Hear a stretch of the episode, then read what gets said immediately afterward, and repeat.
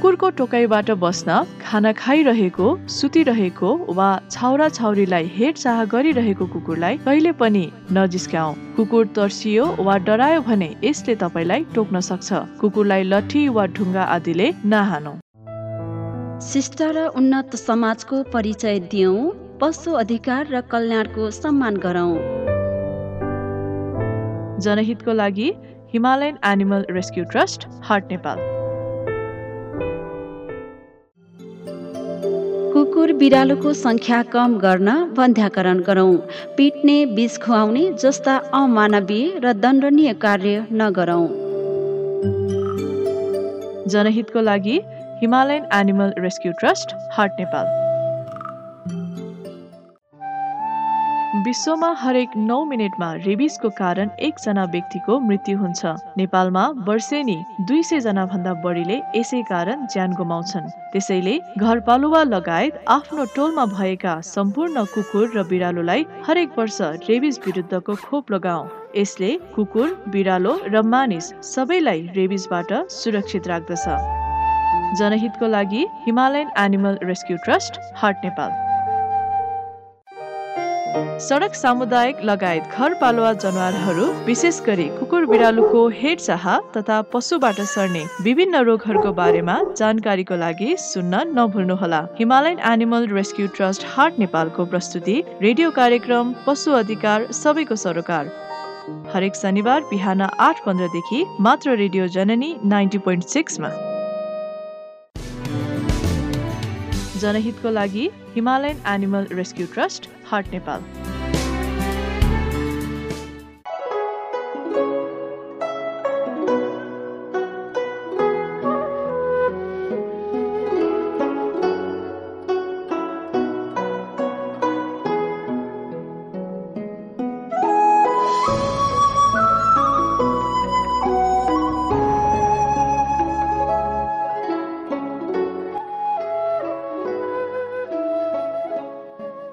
पहिलो आवाज उद्यमशीलताको लागि दोस्रो आवाज स्वतन्त्रताको लागि र तेस्रो आवाज समानताको लागि भन्ने उद्घोषका साथ सञ्चालित रेडियो जननी नाइन्टी पोइन्ट सिक्समा यहाँहरू सबैलाई स्वागत गर्न चाहन्छु।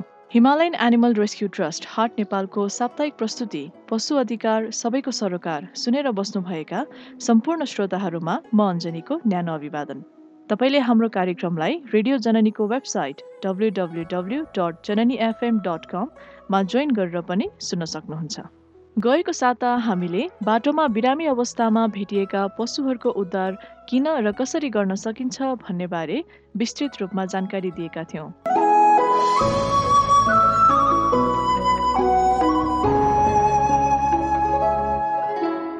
दुखाइ र पीडाबाट मुक्ति अनि भेटनरी उपचार पाउनु पाँच पशु अधिकार मध्ये एक हो। हाम्रो घरमा भएको जनावर बिरामी वा अशक्त हुँदा हामीले उसको औषधि उपचारको जिम्मा त आफै लिन्छौँ। तर बाटोमा भएका सडक सामुदायिक पशुहरूको उपचारको जिम्मा कसले लिइदिने? बिरामी पशुको उद्धार गर्नु हामी सबैको मानवीय कर्तव्य हो। तसर्थ तपाईँको घर टोल वा बाटोमा पीडामा तडपिरहेको कुनै पशु छ भने सबै टोलवासी मिलेर उसको सहायता गरौँ। यसरी उपचार गर्नुको जिम्मा कोही एकजना मान्छेले मात्र लिन सम्भव छैन। तसर्थ यसको लागि हामी सिङ्गो समाज नै एकजुट भएर लाग्नुपर्छ। पोखरामा तपाईँले बिरामी कुकुर वा बिरालो देख्नुभयो भने हार्ट नेपाललाई फोन वा फेसबुक मार्फत सम्पर्क गर्न सक्नुहुन्छ भने गाई मैसी जस्तो ठुलो जनावरलाई भेटनेरीको सहायताको आवश्यकता परेमा पशु अस्पताल तथा विज्ञ केन्द्र हस्पिटल चोकमा सम्पर्क गर्न सक्नुहुन्छ।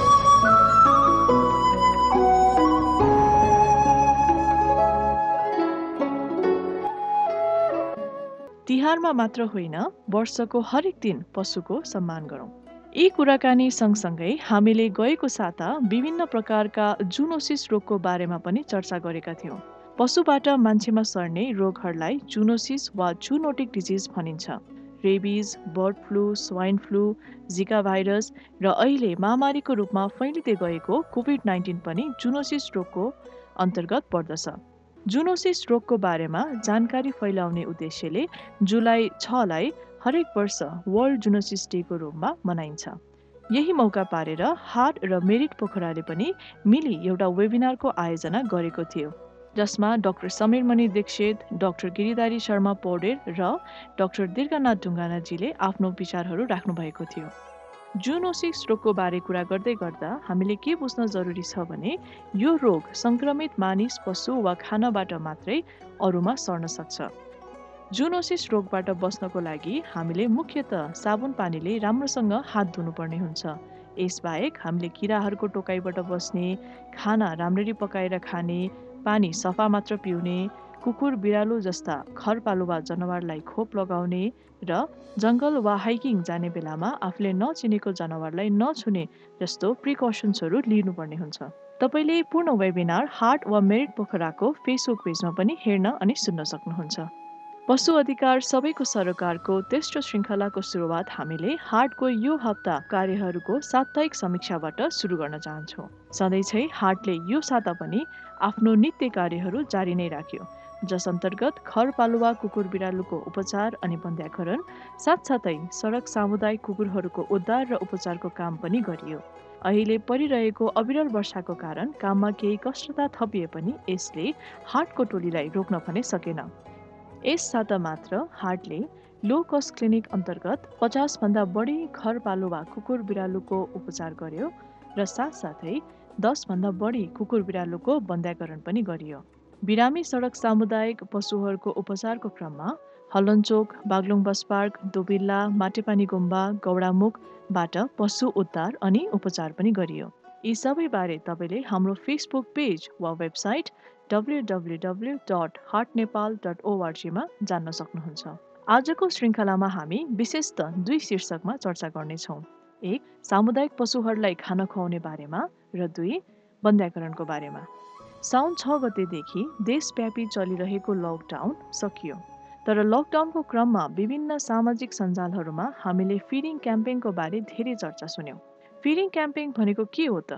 सो बेसिकली भन्नुपर्दा फिडिङ क्याम्पेङ भनेको सडक सामुदायिक जनावरहरू जस्तै कुकुर बिरालो गाईहरूलाई खाना खुवाउने अभियान हो। लकडाउनको समयमा धेरै सङ्ख्यामा पशु समूह स्पेसली एनिमल लभर्सहरूको टोलीले मिलेर बाटोमा भएका पशुहरूलाई खाना खुवाउने कार्यको सुरुवात भयो र यो काम लकडाउनभरि नै जारी रह्यो।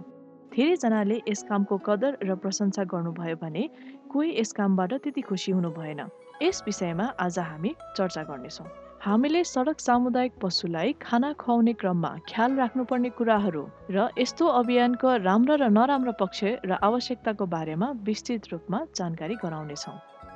बाटोमा भएका पशुहरूको खानाको स्रोत भनेको नै रेस्टुरेन्ट्स मासु पसल दोकानहरू हुन्। तर लकडाउनको कारण यी सबै बन्द भए। बन्द भएपछि उनीहरूलाई खानाको अभाव भयो। उनीहरूको यस्तो स्थिति देखेर फिडिङ प्रोग्राम्सहरू आवश्यक देखिए। Food is a basic need of all lifes त्यसकारण भोको पेटलाई खाना दिने कामको सुरुवात भयो। विशेष गरी धेरै कुकुरहरू भएको ठाउँमा खानाको अभावमा सडक सामुदायिक कुकुरहरूको बिचमा झगडा हुने उनीहरू एकअर्कालाई आक्रमण गर्ने र भोक मिटाउनको लागि अरू जनावरहरू जस्तै कुखुरा बाख्रा खसीलाई पनि आक्रमण गर्ने टोक्ने लखेट्ने जस्तो समस्याहरू पनि देखिन सक्छ। फिडिङ प्रोग्राम मार्फत यो समस्या कम गरियो। खाना खुवाउने क्रममा कुनै बिरामी कुकुरहरू छन् भने पनि पत्ता लगाउन सजिलो हुन्छ। मानवताको आधारमा पनि भोकाएको पेटलाई अन्न दिनुभन्दा पुण्यको काम अरू के नै हुन सक्छ र? तपाईँ पनि एउटा एनिमल लभर हुनुहुन्छ र फिडिङ प्रोग्राममा इन्भल्भ हुन चाहनुहुन्छ भने तपाईँले धेरै टाढा पनि जानु पर्दैन तपाईँको घर छेउमा भएका कुकुर बिरालोलाई खाना दिएर पनि सुरुवात गर्न सक्नुहुन्छ। खाना खुवाउने क्रममा केही कुराहरूको ध्यान दिन र राख्न अति आवश्यक छ। खाना खुवाउने क्रममा तपाईँले दिएको खाना उसिनेको हुनुपर्छ। हामीले युजली खाने खानामा मसला र धेरै फ्राई गरेको खानाहरू पनि हुनसक्छ। यस्तो मसला भएको र धेरै फ्राई भएको खाना कुकुर बिरालोलाई दिनु हुँदैन। यस सँगसँगै चक्लेट्स मिठाईहरू र ठुलो ठुलो हड्डीहरू पनि दिनु हुँदैन किनकि हड्डीहरू उनीहरूको घाँटीमा अड्किन सक्छ। कतिचोटि हामीले घरमा बसेको खाना जसमा धेरै हड्डीहरू हुनसक्छ त्यो पनि हामीले कुकुरहरूलाई दिने गरेको छौँ। यो हामीले सकेसम्म दिनु हुँदैन। यो सँगसँगै हामीले विशेष गरी माछा पनि दिनु हुँदैन किनकि माछाको हड्डीहरू धेरै सानो भएको भएर कुकुरहरूले त्यसलाई छुटाउन सक्दैनन् कुकुरको पाचन प्रणाली र मान्छेको पाचन प्रणाली धेरै फरक हुन्छ। त्यसकारण हामीले खाने सबै खानेकुरा उनीहरूले पचाउँछन् भन्ने हुँदैन। हामीले जुन खाना सजिलै पचाउन सक्छौँ त्यो उनीहरूले सजिलै पचाउन सक्दैनन्। खाना दिने क्रममा खाना कहिले र कहाँ दिने भन्ने कुरा पनि अति महत्त्वपूर्ण छ। खाना दिनको लागि तपाईँले एउटा फिक्स ठाउँ र समय छुटाउनु पर्ने हुन्छ। यसले गर्दा कुकुरहरूले त्यही ठाउँ र त्यही समयमा सम्झेर आउने गर्छन्। खाना दिनको लागि रोजिने ठाउँ घर या रेसिडेन्सियल एरियाभन्दा अलि टाढा हुन जरुरी छ। र यो खाना दिने ठाउँ बच्चाहरू खेल्ने जस्तै प्लेग्राउन्ड्सबाट पनि टाढा हुनुपर्छ। किनकि प्लेग्राउन्डहरूमा या खुला मैदानहरूमा जहाँ बच्चाहरू खेलिरहेको छन् त्यस्तो ठाउँमा खाना दिने बेलामा बच्चाहरू दौडिँदा खाना खाँदै गरेको कुकुरले उनीहरूलाई लखट्न वा टोक्न सक्छ। सँगसँगै खाना दिने ठाउँ जङ्गलभन्दा अलि टाढा हुनुपर्छ किनकि बचेको खाना देखेर जङ्गलबाट अरू जनावरहरू पनि त्यो खाना खानको लागि रेसिडेन्सियल एरियातिर आउन सक्छन्। त्यसकारण खाना दिनको लागि सबैभन्दा उपयुक्त समय भनेको अर्ली मर्निङ्स यानि कि बिहानी पख या फिर लेट नाइट्स अलि साँझ ढल्किएपछि दिनुपर्ने हुन्छ। खाना दिनको लागि खुला मैदान जहाँ मान्छेहरूको भिडभाड कम छ त्यस्तो ठाउँलाई रोज्नुपर्ने हुन्छ। खाना दिएर सकिसकेपछि पानी दिन नबिर्सिनुहोस्। यदि तपाईँले घरमा दुईवटा कुकुर पाल्नु भएको छ भने तपाईँलाई थाहा होला खाना दिने बेलामा दुईवटा कुकुरलाई छुट्याउन कति गाह्रो हुन्छ भनेर। अब सोच्नुहोस् त तपाईँले एकैचोटि पाँचवटा या दसवटा कुकुरलाई खाना दिँदा त झन् गाह्रो हुनसक्छ। त्यसकारण खाना दिने बेलामा फरक फरक कुकुरलाई फरक फरक ठाउँमा दिनुपर्ने हुन्छ। सबै कुकुरहरूलाई या फरक फरक प्याकको कुकुरहरूलाई एकै ठाउँमा खाना दिने बेलामा उनीहरू बिच झगडा बढ्ने र झगडाको कारण चोटपटक लाउने सम्भावना धेरै हुन्छ। त्यसकारण यसरी छुट्टा छुट्टै कुकुरलाई छुट्टा छुट्टै भाँडामा अलि टाढा राखेर खाना दिनुहोस्। यदि तपाईँ गाडीमा सवारी गरेर खाना बाँड्दै हुनुहुन्छ भने चलिरहेको गाडीबाट कहिले पनि खाना नफाल्नुहोस्। यसरी फ्याँकिएको खाना एक त गलत ठाउँमा पर्न सक्छ बाहिर फोहोर हुन सक्छ र साथसाथै त्यो खाना समात्ने क्रममा कुकुरहरूलाई चोटपटक पनि लाग्न सक्छ। यति मात्रै नभएर कुकुरहरूले अरू गाडीलाई पनि खाना दिन्छन् कि भन्ने सोचले लखेट्न सक्छन् जसले गर्दा कुकुरले गाडीहरू लखेट्ने जस्तो समस्याहरू आउन सक्छ। खाना दिनु अघि कुकुर बिरालोलाई चिन्नु पनि जरुरी छ। किन जरुरी छ त भन्दाखेरि अब त्यो कुकुर साँच्चीकै सामुदायिक कुकुर हो कि या त्यो कुकुर चाहिँ कुनै घरको कुकुर हो भनेर छुट्याउन अति आवश्यक छ। सँगसँगै तपाईँले कुकुरलाई नचिनिकन खाना दिनुभयो भने कुकुरले तपाईँलाई टोक्न पनि सक्छ। त्यसकारण फर्स्ट टेक यो time to know the dog कुकुरहरूलाई चिन्नुहोस् उनीहरू कस्तो व्यवहारको छन् कुन कुकुर कुन टोलमा बस्दो रहेछ भनेर चाहिँ पहिला चिन्न आवश्यक छ। अर्को कुरा भनेको खाना खाने क्रममा practicality always comes along with compassion तपाईँले खाना दिने कार्यक्रम गरिराख्नु भएको छ भने सबैजना त्यस कार्यक्रमबाट खुसी हुनुहुन्छ भन्ने छैन। कतिजना मान्छेलाई त्यो काम मन नपर्न पनि सक्छ। कतिजनाले रिसाउनु पनि हुन्छ होला कराउनु पनि हुन्छ होला। तर उहाँहरू रिसाउनु भयो कराउनु भयो भनेर उहाँहरूसँग झगडा गर्ने जस्तो काम चाहिँ नगर्नुहोस्। किनकि सबैको आफआफ्नो सोच हो होइन? तपाईँ त खाना दिएर घर जानुहुन्छ तर ती बिचरा कुकुरहरू त्यहीँ हुन्छन्। भोलि गएर तपाईँको रिसको शिकार तिनीहरू नहोलान् भन्न सकिँदैन। त्यसकारण प्र्याक्टिक्यालिटी र कम्प्यासनलाई सँगै लिएर जानुहोस्। यदि तपाईँले गरिरहेको फिडिङ प्रोग्राम कसैलाई मन परेको छैन भने ट्राई टकिङ टु देम उहाँलाई कन्भिन्स गर्ने प्रयास गर्नुहोस्। तर झगडा गर्ने वा कराउने रिसाउने जस्तो काम गरेर तपाईँले खाना खुवाइरहनु भएको कुकुरहरूलाई पनि रिक्समा चाहिँ नराख्नुहोला। खाना खुवाइसकेपछि अर्को सबैभन्दा महत्त्वपूर्ण काम हो सरसफाइ खाना खुवाएर मात्रै तपाईँको काम त्यहाँ सकिन्न।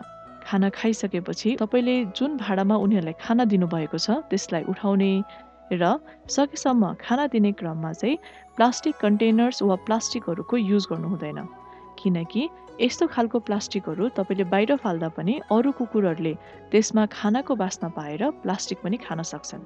त्यसकारण सकेसम्म इन्भाइरोमेन्ट फ्रेन्डली कन्टेनर्सको युज गर्नुहोस्। टपरीहरू हुनसक्छ। यो खालको बायोडिग्रेडेबल प्रडक्ट्सहरू युज गर्नुभयो भने तपाईँलाई सरसफाइ गर्न पनि सजिलो हुन्छ र साथसाथमा इन्भाइरोमेन्टलाई पनि नराम्रो असर पर्दैन। तपाईँको काम खाना खुवाउनेमा मात्रै सीमित नराख्नुहोस्। तपाईँले जति कुकुरहरूलाई खुवाउनुहुन्छ त्यो कुकुर अब तपाईँको संरक्षणमा छन् र त्यो कुकुरहरूको रेखदेख गर्नु पनि तपाईँको जिम्मेवारी हो। त्यसकारण यदि तपाईँले खाना दिनुहुन्छ भने त्यस कुकुरलाई अरू थप के के चाहिन्छ त भन्ने कुरामा पनि ख्याल गर्न आवश्यक छ। र यी जिम्मेवारीहरूमध्ये तिनवटा मुख्य जिम्मेवारीहरू के के हुन्छन् त भन्दाखेरि एक बन्ध्याकरण गर्ने दुई उनीहरूलाई जुकाको औषधि दिने र तिन उनीहरूलाई आवश्यक परेको खोपको व्यवस्थापन गर्ने। बाटोमा भएका सडक सामुदायिक कुकुरहरूले चाहिँ एउटा खाने ठाउँ पाउँछन् उनीहरूको पेट भोको बस्दैन। यी भए फिडिङ प्रोग्रामको राम्रो पक्षहरू। तर फिडिङ प्रोग्रामको अरू बेफाइदा पनि छन्। मुख्यत एउटा बेफाइदा छ।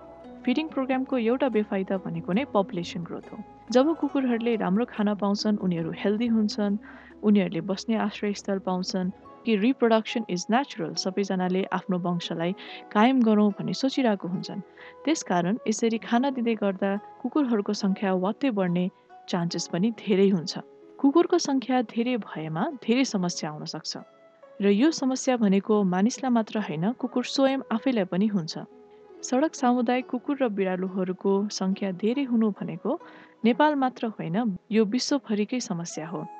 युएसमा मात्रै लगभग छ मिलियन डग्सहरू हरेक वर्ष सेल्टरमा जान्छन् जसमध्ये आधीभन्दा धेरैलाई युटनाइज गरिन्छ किनकि उनीहरूलाई एडप्सनको लागि घर पाउँदैनन्।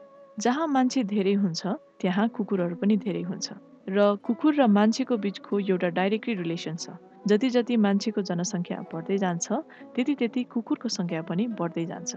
र मानिस र कुकुरको सम्बन्ध यति निकट भइसकेको छ कि अब कुकुरहरू मानिसको सहायता बिना बाँच्न नसक्ने जस्तो खालको सिचुएसन पनि आइसकेको छ। त्यसकारण हामीले कुकुरको सङ्ख्यालाई कम गर्नको लागि मानवीय तरिकाहरू अप्नाउन जरुरी छ। अब बाटोमा भएका कुकुरहरू बाटोमा कसरी आउँछन् त भन्दै गर्दा यसको मुख्यत दुईटा तरिका हुन्छन्। एक हो बाटोमै भएका कुकुरहरूबाट आउने बच्चाहरू जो कुकुरहरू बाटोमै जन्मिन्छन् बाटोमै हुर्किन्छन् र उनीहरूले बाटोमै थप अरू छाउरा छाउरीहरू पाउँदै जान्छन्। यसरी पाएको छाउरा छाउरीहरू अल्टिमेटली बाटोमै हुन्छन् र यसरी उनीहरूको सङ्ख्या बढ्दै जान्छ भने अर्को तरिका हो घरबाट निकालिएका घरपालुवा कुकुर बिरालो अब घरपालुवा कुकुर बिरालो कसरी बाटोमा आइपुग्छन् त भन्दै गर्दा यसको धेरै कारणहरू हुन सक्छन्। कहिलेकाहीँ कुकुरहरू बाहिर निस्किन्छन् र बाटो भुलेर पनि हराउन सक्छन् तर कतिचोटि मानिसहरूले आफूले नै उनीहरूलाई स्वयं बाटोमा छोडिदिन्छन् र यसरी कुकुर त्याग्नुको धेरै कारणहरू हुनसक्छ। कहिलेकाहीँ उनीहरूलाई एलर्जिक प्रब्लम्स हुनसक्छ जस्तै कोही मान्छेलाई चाहिँ कुकुर बिरालोसँग एलर्जी छ उहाँले कुकुर ल्याइसक्नु भएको छ भने अब के गर्ने त भन्दा उहाँले बाटोमा छोडिदिनुहुन्छ। अर्को समस्या भनेको lack of money and time हामीले रहर गरेर कुकुर बिरालो त ल्याउँछौँ तर घरमा हेर्ने मान्छे हुँदैन। यदि तपाईँले ठुलो ब्रिडको ल्याउनु भएको छ जस्तै जर्मन सेफर्ट्सहरू ल्याउनु भएको छ भने उनीहरूलाई खाना उनीहरूलाई एक्सर्साइज पनि त्यही हिसाबको चाहिन्छ। र जब मान्छेले यी सबै कुराहरू प्रदान गर्न सक्दैनन् तब उनीहरूले त्यो कुकुरलाई बाटोमा लएर छोडिदिन्छन्। यति मात्रै नभएर कहिलेकाहीँ बिहेभियरल इस्युज जस्तै कुकुर धेरै मान्छे टोक्ने भयो या फिर उसले घरकै मान्छेलाई पनि अट्याक गर्यो भने पनि मान्छेले उसलाई बाटोमा लएर छोडिदिन्छन्। र यो बाहेक कहिलेकाहीँ बिहा गरिसकेपछि पनि यदि घरमा कुकुर बिरालोहरू ल्याउन दिनु भएको छैन भने बिहे पश्चात कुकुर बिरालोहरू बाटोमा आइपुग्छन्। यसरी घरपालुवा कुकुरहरू बाटोमा आउँछन् र यदि यसरी बाटोमा आएको कुकुरहरूको बन्ध्याकरण भएको छैन उनीहरूको कुनै पनि परिवार नियोजन भएको छैन भने अब यसरी बाटोमा आएको कुकुरबाट फेरि थप अरू छाउरा छाउरीहरू निस्किँदै आउँछन्। त्यसले गर्दाखेरि बाटोमा भएको कुकुर बिरालोको सङ्ख्या बढ्दै जान्छ। अब बाटोमा कुकुर बिरालुहरू धेरै भयो भने के हुन्छ त भन्दा यसले धेरै समस्याहरू निम्त्याउन सक्छ जस्तै समाजमा हो हल्ला धेरै बढ्छ धेरै कुकुर भयो भने धेरै नोइजहरू हुन्छ। यति मात्रै नभएर कुकुरको टोकाइको सम्भावना बढ्छ। यदि तपाईँको टोलमा धेरै कुकुरहरू छन् भने हो हल्ला बढ्न सक्छ र कुकुरको टोकाइको सम्भावना पनि बढ्न सक्छ। कुकुरको टोकाइको सम्भावना बढ्नु भनेको रेबिस जस्तो रोगको सम्भावना पनि बढ्नु हो। र यो सँगसँगै बाटोमा दुर्घटनाको केसेसहरू पनि बढ्छ र कुकुरमा भएको रोग यदि एउटा कुकुरमा छ भने त्यो धेरै कुकुरमा सर्न थोरै समय लाग्छ। जसले गर्दा बाटोमा भएका कुकुरहरू बिरामी हुने चोटपटक लाग्ने सम्भावना पनि धेरै हुन्छ र यसले गर्दा पशु उद्धार गर्नको लागि पनि धेरै समस्याहरू निम्ताउन सक्छ। त्यसकारण हाम्रो समाजमा कुकुरको सङ्ख्यालाई स्टेबल रूपमा राख्न अति आवश्यक छ। नेपालमा हरेक वर्ष दुई सयभन्दा बढी मानिसहरू रेबिसको कारण मर्छन् भने सोह्र हजारभन्दा धेरैले कुकुरको टोकाइको उपचार गराउँछन् जसमा चाहिँ पोस्ट एक्सपोजर रेबिस भ्याक्सिनेसन्सहरू पर्ने गर्छ। अब हामीलाई त थाहा छँदैछ होला पहिला पहिला कुकुरको सङ्ख्या कम गर्नको लागि कुकुरहरूलाई मार्ने गरिन्थ्यो। कसरी भन्दा विष खुवाएर। अब यो कति नगरपालिकाहरूले त कुकुरहरूको बिगबिगी भयो भने केही मानिसहरूलाई नियुक्ति नै गरेर उनीहरूको काम नै के हुन्थ्यो त भन्दा बाटोमा भएका सडक सामुदायिक कुकुरहरूलाई खानामा जस्तै बिस्कुट मासुमा विष मिसाएर खुवाउने। यसरी विष खुवाउने क्रममा सडकको कुकुरहरू मात्रै होइन कति घरपालुवा कुकुर र बिरालुहरू पनि पर्थे कति कुकुरहरू विषको कारणले त सिधै मर्थे तर कति कुकुरहरू जसलाई चाहिँ विषको डोज पुगेको हुन्थेन उनीहरू घन्टौँसम्म तडपिएर बस्थे। कति बेहोस हुन्थे कतिलाई सिजर्स हुन्थ्यो भने कतिजना आधा मृत अवस्थामै धेरै समयसम्म पीडामा रहिरहन्थे। त्यसरी ढलेका कुकुरहरूलाई पछि एउटा ठुलो ट्रकमा हालेर लगिन्थ्यो र एउटा ठुलो खाल्टो खनेर मरेका आधा मृत सबै कुकुरहरूलाई एउटै चिहानमा हालिन्थ्यो। हामीले सोच्न पनि सक्दैनौँ। त्यो बेला उनीहरूको दुःख कति भयो होला? सास फेर्न नसकेर कति मरे होलान्? भने जिउँदै गाडिनुको पीडा त छँदै नै छ। यस्तो कार्य गर्न कति क्रूर हृदय चाहिन्छ होला। पहिला मात्र नभएर गएको वर्ष मात्रै सेप्टेम्बर अफ टु थाउजन्ड नाइन्टिनमा खोटाङमा पनि सामुदायिक कुकुरहरूलाई पिटेर मारिँदै गरेको भिडियो सामाजिक सञ्जालमा आयो। उक्त भिडियो बाहिर निस्किसके पश्चात पशु अधिकार कर्मी मात्र नभएर सबैले त्यसमा आपत्ति जनाए। यसरी निर्दय रूपमा किन मारिन्छन् त कुकुरहरू? यसको मुख्यत दुईटा कारण छ एउटा समाजमा कुकुरको सङ्ख्या धेरै भएर र दोस्रो रेबिज रोग फैलिँदै गएको अवस्थामा। कुकुर यसरी मारिँदै गएपछि एउटा क्वेसन आउँछ। डज इट वर्क कुकुर मारेर समस्या समाधान हुने भए त अहिलेसम्म हाम्रोमा कुनै कुकुरै हुनु नपर्ने। किनकि पहिला पहिला जब पनि कुकुरहरू मारिन्थ्यो ती सयौँको सङ्ख्यामा होइन हजारौँको सङ्ख्यामा मारिन्थ्यो। तर पनि अहिले पनि हाम्रो छेउछाउमा कुकुर त टन्नै छन्। यो कुराबाट के प्रमाणित हुन्छ भने कुकुरलाई विष खुवाएर मारेर या कुनै पनि अरू रूपबाट मार्ने काम जसलाई हामी डग कलिङ भन्छौँ इट डज नट वर्क यसले कुकुरको सङ्ख्यालाई कम गर्न सक्दैन। यसको एउटै मात्र विकल्प छ बन्द्याकरण बन्द्याकरण भनेको के हो? बन्द्याकरणलाई हामी इङ्ग्लिसमा न्युट्रिङ भन्छौँ।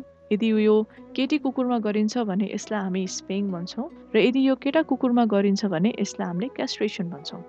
बन्ध्याकरण कुकुर बिरालु र कुकुर बिरालुको दुवै केटा केटी सबैलाई गर्न सकिन्छ र यो परिवार नियोजनको एउटा तरिका हो। यसमा कुकुर बिरालुलाई पूर्ण रूपमा बेहोस पारेर केटी कुकुर छ भने चाहिँ उसको पाठेकर र अण्डशय निकालिन्छ भने केटा कुकुर छ भने उसको अण्डकोष निकालिन्छ।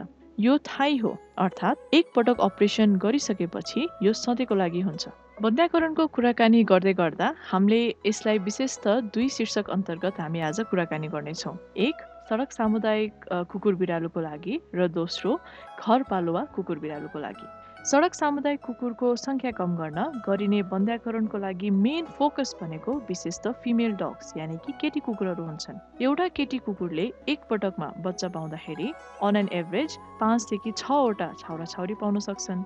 यसरी पाएको छाउरा छाउरीले छ महिनाभित्र नै हुर्किएर फेरि थप पाँच छवटा छाउरा छाउरी पाउन सक्छन्। छ महिनामा हुर्किन्छन् र पाँच छवटा छाउरा छाउरीबाट पाँच छवटा थप छाउरा छाउरीहरू निस्किन्छन्। सडक सामुदायिक कुकुर बिरालोको सङ्ख्या कम गर्न गरिने बन्ध्याकरण शिविरहरूको मेन फोकस भनेको चाहिँ फिमेल डग्स या केटी कुकुरहरू हुन्छन्। एउटा केटी कुकुरले एक पटकमा पाँचदेखि छवटासम्म बच्चा पाउन सक्छ। यसरी पाएको बच्चा छ महिनामै उर्किन्छन् र ती पाँच छवटा छाउराछौरीबाट थप पाँच छवटा छाउराछौरीहरू निस्किन्छन्। यसरी सङ्ख्या बढ्दै जान्छ। डग कलिङको केसमा एकैचोटि धेरै कुकुर मारिँदाखेरि ओहो कुकुरको समस्या त साँच्चीकै समाधान भएछ भन्ने जस्तो हामीलाई लाग्न सक्छ। तर हामीले यसमा के बुझ्न जरुरी छ त भन्दाखेरि एउटा छाउरीले मात्रै पाँचदेखि छवटा कुकुर पाउँछ र जति कुकुर मारिएका छन् त्यो कुकुरको पपुलेसन कम्पेन्सेट हुनको लागि धेरै समय लाग्दैन। अनि के हुन्छ त भन्दा the dog population at bounces back र पहिलाको जस्तै धेरै कुकुरहरू हुन पुग्छन्। बन्ध्याकरणको केसमा या बन्ध्याकरण गर्दै गर्दा यस्तो हुन पाउँदैन। एकचोटि अपरेसन भइसकेको कुकुरले कहिले पनि बच्चा पाउँदैन। त्यसैले सुरुमा हेर्दाखेरि चाहिँ काम केही पनि नगरे जस्तो देखिन्छ तर इन द लङ रन कुकुरको सङ्ख्या आफै घट्दै जान्छ। किनकि ती पाँच छवटा कुकुरहरूबाट थप पाँच छवटा कुकुरहरू आउन पाउँदैनन् र जति कुकुर एक्जिस्टिङ छन् उनीहरूले आफ्नो जिन्दगी राम्रोसँग आनन्दमय रूपमा बाँच्न सक्छन्। यसरी बन्ध्याकरणको काम रेगुलर रूपमा गर्दै जाँदाखेरि ultimately we will have a stable rabies free population of dogs आर्थिक रूपमा कुराकानी गर्ने हो भने पनि एउटा कुकुर बन्ध्याकरणको लागि लगभग तिन हजार रुपियाँ लाग्छ। जुन सुरुमा सुन्दाखेरि धेरै लागे पनि तर यो भनेको तपाईँको वान टाइम एक्सपेन्सेस मात्रै हो किनकि यसमा कुनै पनि फलोअप कस्टहरू हुँदैन। र पछि आवश्यक पर्ने खर्च भनेको मात्र उनीहरूलाई लगाइने रेबिज रोगको खोपको खर्च मात्रै आउँदै जान्छ र बिस्तारै बिस्तारै उनीहरूको सङ्ख्या घट्दै गएपछि हो हल्ला पनि कम हुन्छ दुर्घटनाहरू कम हुन्छन् रोग सर्ने सम्भावना कम हुँदै जान्छ र यसले गर्दाखेरि पशु उद्धारमा पनि धेरै सहयोग हुन्छ। जब बाटोमा धेरै कुकुरहरू हुन्छन् तब दुर्घटना हुने सम्भावना पनि धेरै हुन्छ। त्यसकारण उद्धारको कामहरू पनि धेरै गर्नुपर्ने हुन्छ। धेरै कुकुरहरू एकै ठाउँमा बसिरहेको छन् भने एउटा कुकुरलाई रोग लाग्ने बित्तिकै यदि त्यो सरुवा रोग छ भने धेरै कुकुरमा त्यो रोग सजिलै सर्न सक्छ जसले गर्दा पशु उद्धार गर्ने कामहरू पनि धेरै जटिल र गाह्रो पर्न सक्छ। र यसले गर्दाखेरि कुकुरको सङ्ख्या कम हुने बित्तिकै पशुहरू दुर्घटनामा पर्ने चोटपटक लाग्ने सम्भावना पनि कम हुन्छ जसले गर्दा उनीहरूलाई पनि एउटा राम्रो जीवन पाउन सक्छन् एउटा पीडामुक्त जिन्दगी बाँच्न सक्छन्। यति मात्र नभएर रेबिसको खोप लगाउने क्रममा पनि धेरै सहयोग हुन्छ। फर इक्जाम्पल एउटा टोलमा पाँचवटा कुकुर छ भने त्यो पाँचवटै कुकुरलाई हामी सजिलै रूपमा समातेर खोप लगाउन सक्छौँ र सँगसँगै हामीलाई खोपको खर्च पनि कम आउन जान्छ किनकि हामीले जम्मा पाँचवटा कुकुरलाई खोप लाउनुपर्छ तर यदि यी कुकुरहरूको बन्ध्याकरण गरिएको छैन भने यी कुकुरहरू पाँचबाट पचास हुन सक्छन् र पचासवटा कुकुरलाई खोप लगाउने काम गाह्रो मात्रै नभएर खर्चिलो पनि हुन जान्छ। त्यसैले कुकुर कम भइसकेपछि यसले रेबिसको जोखिम पनि घटाउँदै जान्छ। यति मात्र नभएर अझ फिडिङ प्रोग्राम्सहरूको लागि पनि यसले धेरै सहयोग गर्छ। धेरै कुकुर भयो भने धेरै खाना दिनुपर्ने हुन्छ। साथसाथमा जुन ठाउँमा धेरै कुकुर हुन्छ त्यो ठाउँमा खानको लागि कम्पिटिसन पनि धेरै हुन्छ। कुकुरहरू खान नपाइसकेपछि एकअर्कालाई टोक्ने पनि धेरै हुन्छ जसले गर्दा थप झन् धेरै कुकुरहरू चोटपटक लाग्छ बिरामी हुन्छन् र अगेन ब्याक टु एनिमल रेस्क्युजको केसेसहरू धेरै बढ्न जान्छ। तर कुकुर कम भयो भने टोलमा सबैजना मिलेर पनि खुवाउन सक्नुहुन्छ।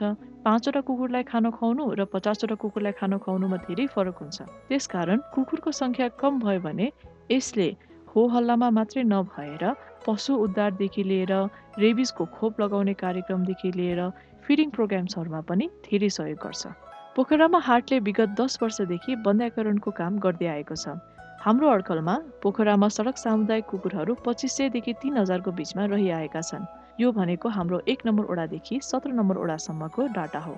नेपाल अधिराज्यभरि नै हाटले विभिन्न सेटेलाइट न्युट्रिङ प्रोग्राम्सको मार्फत एक्काइस हजारभन्दा बढी कुकुरहरूको बन्ध्याकरण गरिसकेको छ।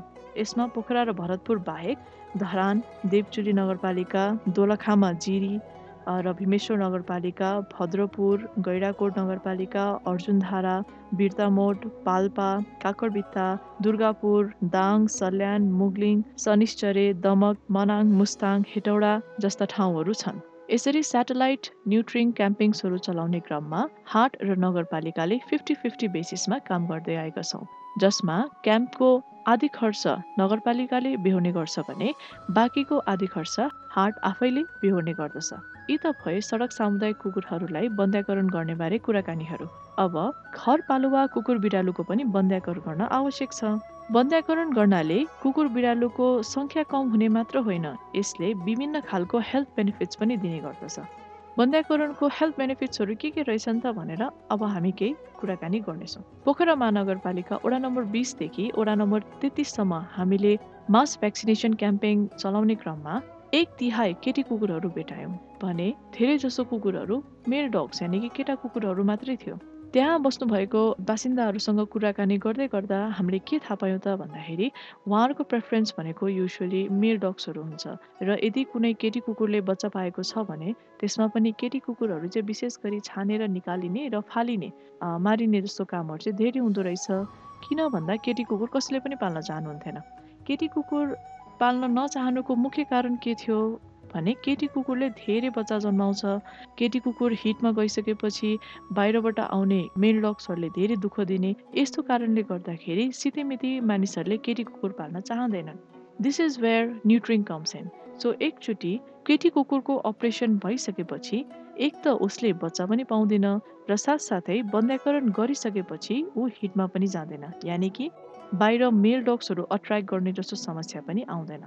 अब यसरी बन्ध्याकरण बाहेक केटी कुकुरलाई बच्चा नपाउनको लागि हामीले धेरै ठाउँमा चाहिँ डिपो प्रोबेरा यानि कि सङ्गिनी सुई पनि लगाएको धेरै इन्स्टेन्सेसहरू धेरै इक्जाम्पल्सहरू देखेको छौँ। डिपोप्रोभेरा एउटा हार्मोनल इन्जेक्सन हो जसले केटी कुकुरहरूमा एस्ट्रोसाइकललाई स्टप गरिदिन्छ। तर दिस इज नट सेफ यो चाहिँ हन्ड्रेड पर्सेन्ट सेफ हुँदैन। किन भन्दाखेरि यसले पायोमेट्राको समस्या निकाल्छ। पायोमेट्रा भनेको जब पाठेघरमा धेरै पिप जम्छ त्यसलाई हामी पायोमेट्रा भन्छौँ। र यदि यो टाइममै उपचार भएन भने यसले कुकुर बिरालो मर्न पनि सक्छन्। यसको अर्को समस्या भनेको के निस्किन्छ त भन्दाखेरि जब केटी कुकुरहरू हिटमा जान्छन् कतिचोटि उनीहरूले कन्सिभ गरिसकेको हुन्छन् यानि कि उनीहरू प्रेग्नेन्ट भइसकेको हुन्छन्। यसरी प्रेग्नेन्ट कुकुरहरूलाई पनि डिपो या फिर सङ्गिनी सुई लगाइदिँदाखेरि उनीहरूको बच्चा पाठेघरभित्रै मर्ने र कुहिने र पछि पाठेघरबाट नराम्रो बास्ना आउने या फिर भ्याजिनल डिस्चार्जहरू आउने जस्तो समस्याहरू पनि धेरै देखिएको छ। पायोमेट्रा भइसकेपछि यसको एउटा मात्रै अप्सन के हुन्छ? सर्जरी सर्जरी नगरिकन पायोमेट्रा भएको कुकुरलाई बचाउन सकिँदैन। तसर्थ यसरी कुकुरलाई बिरामी अवस्थामा सर्जरी गर्नु र एउटा हेल्दी कुकुरमा सर्जरी गर्नुमा धेरै फरक हुन्छ। त्यो भएको भएर यदि तपाईँले मेरो कुकुरले बच्चा नपाओस् भन्नुहुन्छ भने the best option is neutering तपाईँले एकचोटि न्युट्रिङ गरिदिनु भयो भने त्यो सधैँको लागि हुन्छ र कुकुरलाई अरू थप समस्याहरू जस्तै पायोमेट्रा पनि आउँदैन। बन्ध्याकरणले विभिन्न खालको क्यान्सरबाट पनि कुकुर बिरालोलाई बचाउने गर्दछ। स्पेसली मेल डग्सलाई पनि बन्ध्याकरण गर्न सकिन्छ। यसरी बन्ध्याकरण गयो भने स्पेसली केटी कुकुरको लागि झगडा गर्ने चान्सेसहरू कम हुन्छ। उनीहरूको अग्रेसिभ नेचरमा कम आउँछ र उनीहरूलाई पनि टेस्टिकुलर र प्रोस्टेट क्यान्सर जस्तो समस्याबाट बचाउन सक्छौँ। बन्ध्याकरणले कुकुर बिरालोको आयु पनि बढाउने गर्दछ। अकर्डिङ टु रिसर्च कुकुरहरूमा यसले उनीहरूको आयु एकदेखि तिन वर्षसम्म बढाउँछ भने बिरालोहरूमा तिनदेखि पाँच वर्षसम्म बढाएको रेकर्डहरू छ। यदि तपाईँ पनि आफ्नो कुकुर वा बिरालोको बन्ध्याकरण गर्न चाहनुहुन्छ भने तपाईँले हार्टलाई सम्पर्क गर्न सक्नुहुन्छ। हाम्रो लो कस्ट क्लिनिक अन्तर्गत हामीले घरपालुवा कुकुर बिरालोको पनि बन्ध्याकरण गर्दै आएको छौँ जसमा तपाईँले फिमेल डग या क्याटको अपरेसन गराउनु भयो भने त्यसको खर्च मात्र पन्ध्र सयदेखि दुई हजारको बिचमा आउँछ भने मेल डगको लागि बन्ध्याकरणको खर्च हजारदेखि पन्ध्र सयको बिचमा आउँछ। तपाईँले यसको लागि पहिला आफ्नो नाम टिपाउनु पर्ने हुन्छ र तपाईँको पाली आइसकेपछि हार्टबाट तपाईँलाई एकजना स्टाफले कल गर्नुहुनेछ र अपरेसनको लागि डेट सेट गर्नुहुनेछ। अपरेसनको लागि नाम टिपाउनको लागि तपाईँले हाम्रो हार्टको ल्यान्डलाइन नम्बर पाँच छब्बिस चार एकाउन्न पनि कल गरेर नाम टिपाउन सक्नुहुनेछ। अब कुकुर बिरालोको अपरेसन कहिले गर्न सकिन्छ त भन्ने प्रश्न आउन सक्छ। कुकुर बिरालोको अपरेसन छ महिना कटिसकेपछि गर्न सकिन्छ। यदि कुकुर बिरालोले भर्खर बच्चा पाएको छ भने त्यसको एक महिना या डेढ महिना पछि र जब उसको छाउरा छाउरीहरूले पपिज या किटनहरूले चाहिँ दुध बाहेक अरू खानाहरू पनि खान सुरु गर्छन् त्यसपछि आमा कुकुरको अपरेसन गर्न सकिन्छ। बन्ध्याकरण र कुकुर बिरालो सम्बन्धी अरू कुनै जिज्ञासा छ भने तपाईँले हामीलाई फोन कल या फेसबुक मार्फत पनि कन्ट्याक्ट गर्न सक्नुहुनेछ। हार्टको पशु उपचार केन्द्र हप्ताको सातै दिन बिहान नौ बजेदेखि चार बजेसम्म सञ्चालन हुँदै आएको छ। यो सँगसँगै आजको लागि कार्यक्रमबाट बिदा लिने समय पनि भइसकेको छ। तपाईँले हामीलाई फेसबुक ट्विटर इन्स्टाग्राममा पनि भेटाउन सक्नुहुन्छ। टाइप गर्नुहोस् हार्ट नेपाल। सुनेर साथ दिनुहुने श्रोताप्रति आभारी रहँदै प्रविधिबाट साथ दिने वसन्तीलाई धन्यवाद दिँदै म अञ्जनी गुरुङ पनि बिदा माग्छु। अर्को श्रृङ्खलामा फेरि भेटौँला। नमस्कार।